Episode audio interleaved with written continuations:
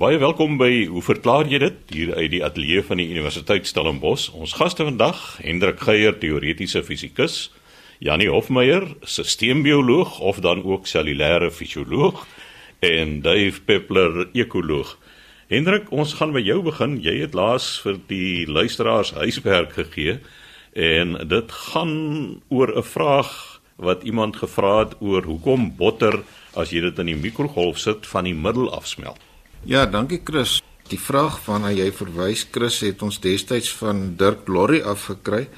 Kortom het hy ons uitgedaag om te dink oor waarom 'n blok botter in die mikrogolf van die middel afsmelt wat hy eerstehands ervaar het toe hy lyk my vir 'n resep 'n groot blok botter nodig gehad het en die botter na tyd heel uit uit die mikrogolf uitgehaal het maar toe gekonfronteer is met 'n papery nadat hy die eerste snit in die botter gegee het.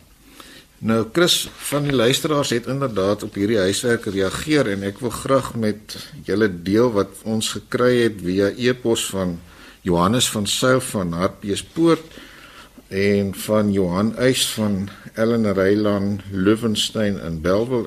Nou in elk geval Chris, hier is wat ons van Johannes van Sail gehoor het. Hy sê ek het huiswerk gedoen met die botter in die mikrogolf En inderdaad is dit so dat die botter van die middel af na buite smelt. Na 15 sekondes en daarna smelt die hele klont. Ek hoop hy het werk gehad vir daai gesmelte botter, maar in elk geval wat hy sê is hy verstaan nie dit nie want as hy kos warm maak moet hy dikwels die oond eers stop na omtrent so 'n minuut dan die kos deurmekaar roer en verder verhit omdat dit na 'n minuut in die middel nog koud is. En hier kom nou 'n redelike amusante draai in die storie. Hy sê daar was toevallig 'n muggie in die oond voor ek die botter probeer smelt het en ek besluit dat ek eers daai muggie gaan braai. Groot was my verbasing toe ek na 2 minute die oond oopmaak en drie muggie, 'n spring lewendig, wild en sy vlerke staan oorent en hy vlieg baie vinnig rond. Dit was vir my snaaks en onverstaanbaar. So nommer 1 weet ek nie hoe die muggie in die oond gekom het nie en dan hoekom het die muggie nie doodgebraai nie. Nou Johannes, ek kom terug na 'n paar van jou opmerkings. Die een wat ek jou nie meer kan help nie is hoe die muggie in die oond gekom het, maar ons kan oor 'n paar van die ander goed praat. Dit bring my nou by Johan Eise skrywe, maar ek dink ek moet daarom met jou en die luisteraars sy openingsparagraaf deel Chris hy hy sê dankie vir jou span supersterre vir die program nou ja 'n mens is altyd gevlei as jy op die manier lof toegeswaai word dankie Maar dan interessant sê hy dit gebeur dikwels dat ek na die program moet luister in die gimnasium terwyl ander mense na musiek luister op hulle oorfone terwyl hulle oefen doen ek dit op die maat van die wetenskap. Nou daar's vir jou 'n gedagte waarmee mense verder kan boer, Chris. So hier is sy storie. Hy sê hitte-energie word oorgedra deur middel van geleiding, stroming of straling en in hierdie geval word die mikrogolfstralingsenergie geabsorbeer deur die water en vetkomponente in die botter. Ek sal nou-nou 'n bietjie daarop uitbrei. Dit veroorsaak redelik eweredige molekulêre beweging deur die botter waardeur die hitte-energie oorgedra word. Dan sê die hitte-energie hoef dus nie te migreer na die binnekant deur middel van geleiding nie, maar dit vind wel plaas in die proses. Die penetrasie diepte van die mikrogolwe is tog beperk tot 'n paar sentimeter soos die energie geabsorbeer word. Dan gaan hy voort om te sê Dis 'n mite dat mikrogolwe botter of enige voedsel eerstens van binne af sal verhit indien die voedsel homogeen versprei is. En ek reken wat mense eintlik bedoel is dat die mikrogolwe gelyktydig molekules opwek dwars deur die botter of voedsel in teenstelling met byvoorbeeld konvensionele oonde waar hitte vanaf buite na binne oorgedra word. En dan finaal, dit mag dalk wees dat 'n blok botter wel aan die buitekant uitgedroog of droër kan wees as daaronder sodat minder energie reg aan die buitekant geabsorbeer word. Maar dit beteken nog steeds nie dat die energie op een of ander magiese manier eersins die botter intern binnendring en dan na buite begin beweeg nie. So Chris, ek dink uh, Johan Eis het hier vir ons die kruks van die saak beet en dit was ook die inligting wat ek en Dirk uitgeruil het naamlik om tot die gevolgtrekking te kom dat enige iets wat jy in 'n yskas bære natuurlik met ter tyd uitdroog en daardie uitdroging gebeur van buite af na binne toe.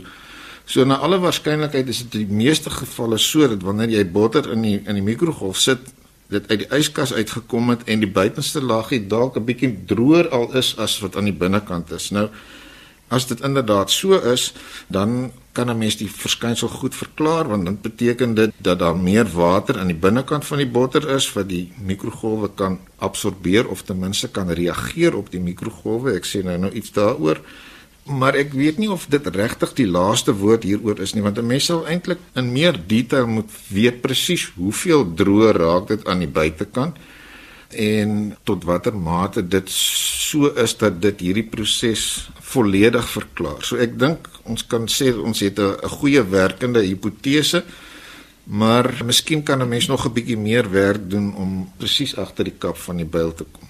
Wat ek miskien net vinnig kan byvoeg Chris is, is 'n paar algemene opmerkings oor hoe 'n mikrogolf nou eintlik verhit. Meeste kommersiële mikrogolwe verskaf mikrogolwe aan die binnekant by 'n frekwensie van 2450 MHz en mense nou kon wonder of daar iets spesiaal aan hierdie frekwensie is. Uh, mense hoor dikwels die opinie dat die rede waarom mikrogolwe waterhoudende voedsel en enigiets met water in en soos Johan uitgewys het natuurlik ook vet ook warm kan maak is dat daar 'n resonansie effek is tussen die vibrasiefrekwensie van die watermolekuul en hierdie spesifieke frekwensie wat ek nou net van gepraat het. Daar is egter nie regtig iets so spesiaal aan hierdie 2450 MHz anders as dat dit ooreenstem byvoorbeeld met die frekwensies waarop sulke goed soos Bluetooth opereer nie. En die rede waarom dit dieselfde is is dat daar is so 'n band tussen 2.4 en 2.5 GHz is dieselfde as 2450 MHz wat deur die Amerikaanse Federal Communications Commission, die FCC, uitgehou word vir sogenaamde nie telekommunikasie toepassings nie. So wat inderdaad gebeur is wat spesiaal aan water en sommige ander molekules is is dat hierdie goed dipole is. So as gevolg van die feit dat water uit een suurstof en twee waterstof atome bestaan, is dit so dat een deel van die molekuul aan die suurstof se kant 'n bietjie meer negatief gelaai is en aan die waterstof se kant 'n bietjie meer positief. En hierdie dipool orienteer homself nou met die elektriese veld van hierdie mikrogolwe en omdat dit 'n wisselende veld is, spring die goed rond of terwyl hulle roteer en in daardie proses bots hulle met die ander molekules. So dit is die manier waarop die energie uiteindelik oorgedra word. En natuurlik hoe meer daar wateragtigheid is tot 'n groter mate vind hierdie proses effektief plaas. Dit is inderdaad so dat die dipoolmoment van vetagtige molekules 'n bietjie kleiner is as die van water.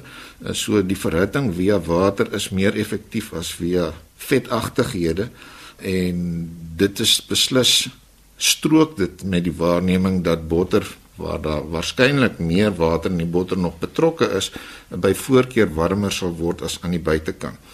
Nou terug by die kwessie waaroor Johannes van Sail geskryf het, sy waarneming dat hy baie keer of dikwels die kos moet roer omdat dit aan die binnekant nog 'n bietjie koeler is, dit mag te maak hê met die penetrasie diepte van die mikrogolwe, maar ook kan ook 'n funksie wees van die houer waarin die voedsel warm gemaak word. As 'n mens nou weer daaraan dink, as die houer glad nie dipoolagtige komponente bevat nie, dan word dit natuurlik nie by voorkeur deur die mikrogolwe verhit nie en aan die binnekant is hierdie rondstampproses as gevolg van die reaksie van die molekules natuurlik meer effektief as op die kant want op die kant word die heel kantste molekules aan minder botsings blootgestel as die wat aan die binnekant is. So dit kan wel 'n bydraende faktor wees. So presies waar die meeste wateragtigheid teenwoordig is, kan mens verwag dat die voorkeur verwarming daar sal plaasvind.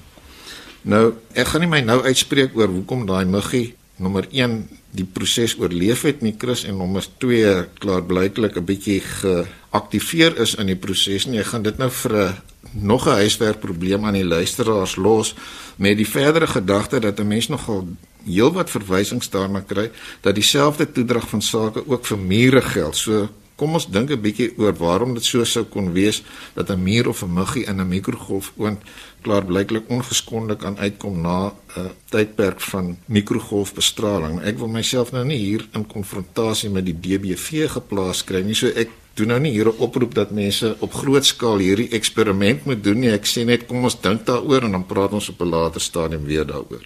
So sê Hendrik Geier, ons teoretiese fisikus en Dave, jy het tuinvrae waaroor jy gesels vanoggend.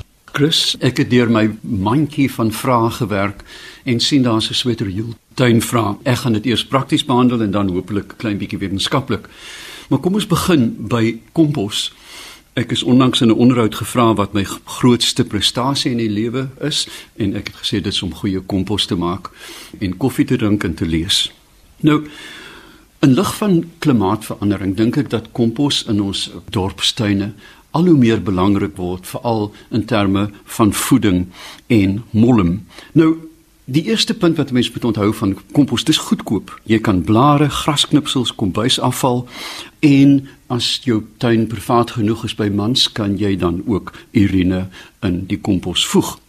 'n Deursnitgesin genereer in die orde van 60 kg komposteerbare materiaal per maand. Dit is 'n groot lot afval. Dis nou grasknipsels wat hoog is in stikstof, blare en onkruid, maar daarbey gesê sonder saad.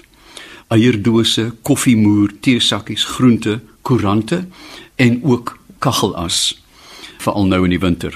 Dit is egter baie belangrik om nie enige vleisafval, gekook of rou, suiwel sitrus. Mense vra hoekom sitrus maak 'n soos die ou mense gesê het 'n smetterige laag wat nie komposteer nie en ek dink dit is as gevolg van die essensiële olies daarin.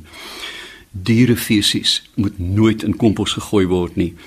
As ook siek plante en pestplante veral eentjies wat 'n mens so reg oor die tuin kan versprei. Daar's 'n paar maniere om dit te doen. Daar's kommersiële dromme wat jy by uh, meeste tuindienste koop, maar dis 'n moeilike saak. Dis gewoonlik 'n baie nou backbo en jy kan die kompos eenvoudig nie omroer nie. En dit kompakteer dan. Maar dan die klassieke komposhoop. Ons ouer luisteraars sal weet dat elke tuin 'n komposhoop gehad met al die tuinafval, hoendermis wat ook al daarin gegaan het. 'n Mens begin eenvoudig met 'n laag van takkies of grove materiaal om suurstof aan die hele hoop te verskaf en anderste soos die ou mense gesê slaan hy toe. Want ons moet aanvaar dat ons weet dit altans dat kompostering is 'n aerobiese proses en dan moet die hoop dan eenmal 'n maand omgedolwe word. Ek gebruik eenvoudige standaard kooktermometer om die temperatuur van die hoop te bepaal en dan dit te bestuur daarna. Mens kry ook wurmplase deesdae wat baie gewild is maar ek het bedenkinge daaroor omdat baie van die insetmateriaal is uitheemse wurms, die sogenaamde red springers en so aan. En ek dink in terme van die ekologie en biodiversiteit is dit nie 'n goeie idee om 'n uitheemse wurm in jou tuin in te voer nie, want die kans is baie goed dat hy jou inwonende wurms sal uitkompeteer. Dan is daar ook 'n nuwe gier, sogenaamde bokashi, waar jy semels wat geïmpregneer is met bakterieë dan strooi, maar die kanse is ook baie goed dat hierdie uitheemse bakterieë is en nie noodwendig aangepas is by ons ekologie nie. Nou kom ons kyk 'n bietjie net wetenskaplik daarna dat die proses is 'n organiese proses wat deur mikroorganismes organiese materiaal omskep na CO2, water en humus. Maar dit kom werklik baie netjies in drie fases voor: 'n mesofisiese fase of gematigde fase, 'n termofisiese fase waar daar hitte gegenereer word en dan die afkoelfase. Nou ja, vir elke een van hierdie fases is daar 'n suite van mikroorganismes wat betrokke is. By die mesofisies, die eerste fase, is dit 'n vinnige afbreek van organiese materiaal. En dan kom die belangrike in die termofisiese fase wat bo 40 grade begin. Mens moet ook natuurlik onthou, dit is baie belangrik om hierdie fase te beheer want bo 55 grade Celsius word meeste menslike en plantpatogene dan vernietig. Dit is 'n sterilisasieproses. 66 grade is 'n afsnypunt waar die organismes hulle self dan vernietig. Dan moet mense dit ook beheer. Gedurende die termofisiese fase word proteïene, vette, selulose en hemisellulose afgebreek en knap daarna met die mesofitiese fase verouder die produk en kry jy dan die finale lekker ryk grondryk van kompos. Ek wil my verbeel, ek het lanklaas gedrink 20 jaar gelede, maar dit is presies daardie noot wat Pinot Noir so interessant maak, is hierdie grondkompos element. So iets oor bakterieë. 80 tot 90% van die miljarde mikroorganismes per gram grond is hier betrokke.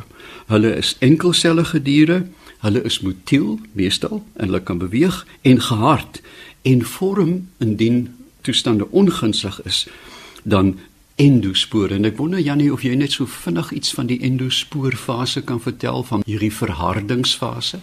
Daar's verskeie tipes van spore wat vorm, maar bakterieë wat sporileer, die gaan in 'n statiese toestand in waar hulle metabolisme afskakel en dan eintlik tot 'n mate dehidreer. En so kan hulle vir 'n baie baie lang tyd kan hulle oorleef. Daar's organismes natuurlik wat ook meersellige organismes is, soos byvoorbeeld die tardigrade in Engels of die waterbeertjie dink ek word hy genoem, en die kan heeltemal uitdroog en dan letterlik vir dekades kan dit so bly en dan as dit weer hidreer en weer dit water in kwante kom, dan leef hulle weer voort. So dit is met ander woorde 'n statiese fase van bakterieë. Nie alle bakterieë sporileer nie, maar as hulle sporileer dan is hulle letterlik uitgedroog. Dankie Janie, hierdie sou handige organismes wees as ons Mars wil bevolk, dat ons hulle kan uitdroog en aan die ander kant weer opwek. Laastens, uh, mens moet ook natuurlik dink aan die fungi, daar's gewoonlik sampioene, paddastoele op 'n komposhoop en dan is die hele substraat deurtrek van die filamente van die fungus en 'n mens vind gewoonlik dat dit voorkom in 'n goeie werkende komposhoop. Om kompos te maak is baie maklik maar dit verg dissipline. David is interessant met die bokashi. Jy het gesê natuurlik dat 'n as jy nou 'n kompos hoop het met die takkies en so is belangrik om te verlig dat daar suurstof deurkom, maar bokashi word spesifiek gemaak in 'n houer wat jy sluit. So die bakterieë wat die vertering doen gewoonlik eintlik van kombuisafval, nou nie van blare en sulke goed nie, want die is anaerobiese bakterieë. So daar word daar anaerobiese ons moet 'n totaal al digte houer wees en dan vind die kompostering of die afbreek vind plaas onder anaerobiese toestande. En dan wat mense kan doen is om direk na so 2 weke in die emmer direk dit te begrawe in die grond. En dan gaan die proses daar voort sodat die grond eintlik van onder af bemes word deur hierdie organiese materiaal. Dit is 'n fantastiese manier om 'n groentetuin te maak. Ja, dit was dan Dave Peppler, ekoloog wat met ons gesels het oor die maak van kompos. Laas dan die beer Janie Hofmeyer, cellulêre fisioloog En jy gesels oor twee goed wat baie lastig kan wees. Wat is die funksie van 'n blinde darm en 'n mens se mangels? Dankie Chris. Hierdie vraag kom van Dr. Kali Elof. Hy sê iewers in die Westelike Bosveld. Hy spesifiseer nie waar dit is nie. Maar hy sê hy wonder nou al lank oor die, wat hy sê die obskure funksie en nut van die blinde darm en mangels by die mens.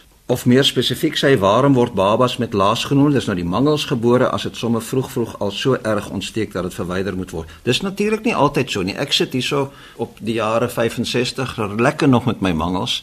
En hierso beide van my kollegas Chris, nee Chris het gaan mangels meer nie, maar die ander twee se mangels is ook nog. So dit is nie iets wat normaalweg noodwendig gebeur nie. Wat wel gebeur met die mangels is dat Hulle is relatief groot in die kinderfase en dan met puberteit is hulle eintlik absoluut gesproke die grootste en dan atrofieer hulle sodat volwasse mense wat se mangels nie uitgehaal is nie sal nie meer mangels hê na 'n sekere tyd nie. Maar kom ons kom eers by die blinde darm. Die blinde darm, weet ons, is 'n wurmagtige soort van 'n struktuur. Hulle word 'n vermiforme struktuur genoem.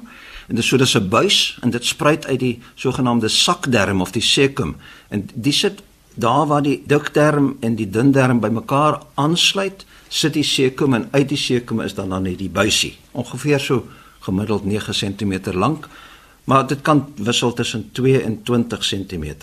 Langste wat ooit gemeet was was 26 cm. Dit is 'n bilie van 'n blinde darm. Nou ten opsig van die funksie, dis reeds lank bekend dat die immuunweefsel wat nie net rondom die blinde darm voorkom, maar ook om die dun darm voorkom, baie belangrike verdedigingsfront teen bakterieë wat nou in die spysverteringskanaal voorkom is. Maar dit was nog nooit duidelik geweest waarom die blinde darm lyk soos wat dit lyk nie en of dit eintlik 'n unieke funksie het wat anderste is as hierdie immuunfunksie van die dun darm. Veral natuurlik omdat verwydering van die blinde darm geen ooglopende neeweffekte het nie. Soos Callie sê, tog sit kinders en selfs volwassenes hulle lewens ewe gemaklik en moeiteloos voort sonder Hy noem sommer die mangels ook, maar sonder hierdie twee aangebore items wat dit in die blinde darm insluit. So die blinde darm is eintlik kom ons uit 'n wetenskaplike oogpunt beskou as 'n as 'n soort van 'n oorblyfsel kom ons noem dit 'n spoor van vroeëre evolusionêre ontwikkeling. Dit was tot redelik onlangs die algemene gedagte. Maar in 2007 het wetenskaplikes van Duke Universiteit in die VSA voorgestel dat die blinde darm wel 'n baie spesifieke funksie het. En dit het gekom uit ons verstaan in die afgelope 2 dekades van die belang van wat ons noem die mikrobiom, met ander woorde die darmflora, die bakterieële populasie van derduisende soorte organismes wat baie belangrike deel van ons fisiologie vorm, né? So ons word bevolk van binne af deur 'n mikrobiom. Ons is eintlik 'n ons, ons is nie 'n ek nie. So maar altyd sê as die Engelse koningin praat van the royal we, dan is sy eintlik die enigste een wat reg is. Ons is almal royal we's. So hulle het voorgestel dat die blinde darm 'n veilige hawe is vir die bakterieë van ons mikrobiom. Want daar is siektes soos byvoorbeeld diarree wat eintlik die inhoud van die darmkanaal uitspoel. daarmee saam natuurlik verloor jy dan 'n groot gedeelte van 'n mikrobiom. En die argitektuur van die blinde darm is nou so dat dit eintlik so aan die onderkant sit van hierdie eenrigtingspoel van materie, voedsel, afgebreekte voedsel en bakterieë wat daar verbykom sonder dat dit self uitgespoel word. So as jou darmkanaal om een of ander rede leeg raak, dan is jou blinde darm se inhoud 'n reservoir van jou mikrobiom en kan dan help om die kom ons noem dit die herpopulasie, herbevolking van jou darmkanaal te bevoordeel. En daar's ander navorsing wat dit ook ondersteun. Dit is nie so dat as jou blinde darm weg is dat dit uh, geen neeweffekte het nie. Dit blyk dat individue sonder 'n blinde darm 4 maal meer vatbaar is vir herinfeksie van byvoorbeeld die bakterium Clostridium difficile wat die ene is nare bakterium wat diarree en koors en naarheid en buikpyn en so veroorsaak. Met ander woorde, wat onder normale kondisies gebeur as dat so 'n patogene bakterium dit nie moet kompeteer met jou mikrobiom, ja, en as jy nie 'n mikrobiom het, versterk mikrobiom het, dan kan hierdie bakterium maklik oorneem. En so as jy nie blinde darm het nie, dan is natuurlik dan nou nie 'n manier om as dit nou uitgespoel word om die saak weer te herbevolk nie. So die funksie van die blinde darm is dus verskuiling om te dien as 'n reservoir vir voordelige bakterieë wat die darmflora kan herbevolk na siektes, so byvoorbeeld disentrie en kolera, selfs miskien minder gastro-intestinale siektes. Nou jy vra ook of dit net by die mens voorkom? Nee. Die blinde darm kom voor by en dis 'n woord wat ek nou baie mooi moet bekyk, Euarchontogliere. Dis 'n superorde van soogdiere wat primate en knaagdiere insluit. So primate, knaagdiere het ook blinde darmes en kom ook onafhanklik duidelik onafhanklik ontwikkel in die sogenaamde diprodonte buideldiere. Dis buideldiere met twee voortande. As jy het 'n kangaroo wat glimlag gesien het, dan sit hy twee tande so. Sluit op byvoorbeeld die koalas ook in. En dat die monotreme soos die platypus en die echidna natuurlik het 'n hele aparte evolusionêre ontwikkeling gehad daar in die in Australië daai gedeeltes in net Australië nie ook die Papua New Guinea en so en hulle het ook onafhanklik blinde darmes ontwikkel. Nou ten opsigte van mangels daar is dit saak eintlik baie makliker. Mangels is 'n versameling van immuunweefsel of limfoïde weefsel in jou lugweg. In die volksmond praat ons eintlik van mangels as die twee wat in jou agterkeel sit, die twee wat mense ook duidelik kan sien as val as hulle opgeswel is met bloed wanneer hulle besig is om hulle werk te doen.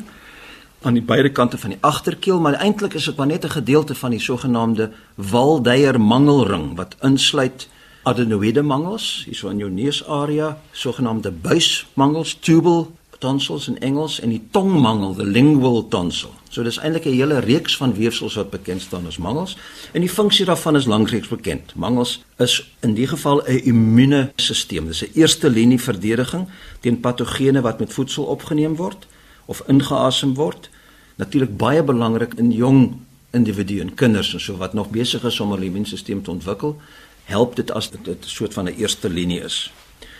Dis hoekom hulle ook gereeld opswel met bloed om dit help natuurlik veg teen die algemene siektes, verkoue byvoorbeeld. So op die oppervlakte van mangels is daar selle bekend as M-selle en die herken patogene en aktiveer dan die immuunstelsel, die sogenaamde B en T immuunselle en op hulle beurt neutraliseer hulle dan die of maak die patogene dood. En soos wat ek gesê het, mangels bereik maksimum grootte by puberteit en begin dan stadig krimp en atrofieer. Relatief tot die deursnee van die keel is hulle egter op hulle grootste in jong kinders waar hulle eintlik hulle belangrikste funksie vervul.